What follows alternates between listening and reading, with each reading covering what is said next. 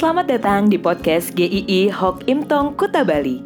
Penginjil Ray Reginaldi akan membagikan renungan harian singkat untuk membawa Anda mengenal dan menyembah Tuhan Yesus, bertumbuh dan menjadi murid Kristus, serta berdampak untuk banyak orang. Jika Anda merasa diberkati melalui renungan ini, silahkan bagikan podcast ini agar orang lain juga diberkati. Inilah renungan hari ini.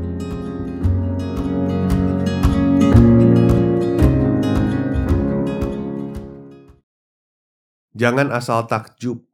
Matius 13 ayat 57. Lalu mereka kecewa dan menolak dia. Percaya itu bukan sesuatu yang mudah.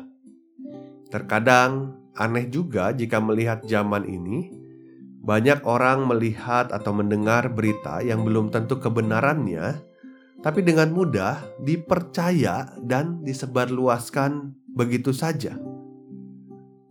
Tetapi berita yang benar malah kadangkala ditolak dan dikatakan hoax. Mirip dengan orang-orang ketika ada di Nazaret. Orang-orang di Nazaret itu mereka tidak bisa menerima Tuhan Yesus, yang berarti mereka menolak berita yang dibawa Tuhan Yesus juga. Karena Tuhan Yesus mereka kenali sebagai anak seorang tukang kayu saja. Awalnya, mereka kagum sekali dengan pengajaran Tuhan Yesus. Di ayat 54 dikatakan, takjublah mereka. Kata ini berarti benar-benar kagum, terpesona, speechless, tidak bisa berkata-kata. Seperti ketika kita menyaksikan ada satu pagelaran yang begitu indah, kita wow, luar biasa. Tetapi itu tidak bertahan lama. Lalu orang-orang di sana mulai mempertanyakan kuasa dan hikmat Tuhan Yesus. Yang akhirnya mereka mendapati bahwa keluarganya adalah orang biasa. Seorang tukang kayu yang ada di kampung mereka, bukan dari golongan rabi yang terkenal. Inilah yang membuat mereka kecewa dan menolak Tuhan Yesus. Ada perubahan drastis sekali pada orang-orang itu. Dari perasaan takjub menjadi perasaan kecewa dan menolak. Penolakan mereka bukan semata-mata karena mereka tahu siapa keluarga Tuhan Yesus. Tetapi di ayat 58 dikatakan karena mereka memang tidak memiliki iman kepada Tuhan Yesus.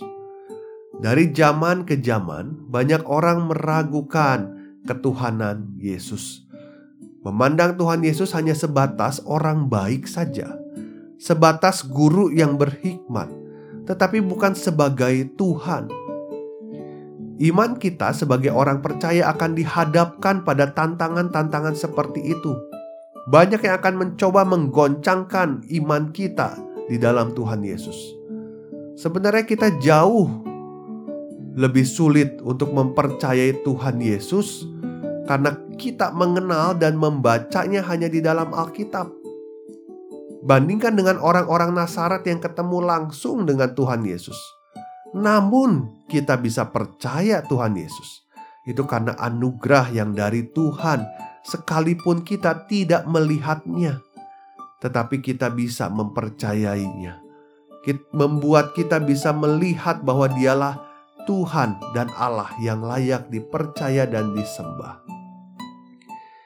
Ketika Anda mengikuti Tuhan Yesus, mungkin pertama kali terasa begitu euforia. Kadang musik di gereja mengundang emosi yang begitu bergelora untuk menyatakan diri mengikut Tuhan.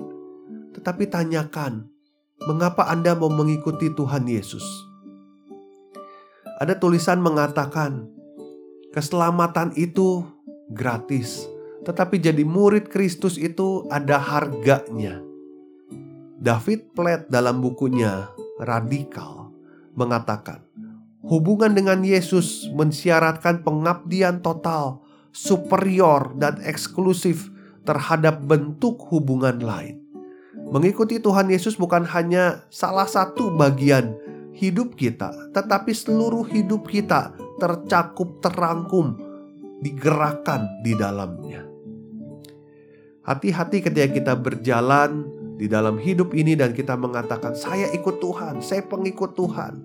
Lihat kembali apakah kita sungguh-sungguh berkomitmen mengikut Tuhan. Jangan-jangan kita hanya takjub atau euforia semata. Semua harus diuji ketika kita diperhadapkan dengan kesulitan-kesulitan. Apakah benar Tuhan Yesus tetap jadi sandaran? Apakah Tuhan Yesus tetap kita percaya? Takjublah dengan kasih Tuhan Yesus yang besar, yang sungguh-sungguh mengasihi kita. Jadilah murid Kristus yang setia mengikutinya di dalam situasi apa pun. Tuhan memberkati.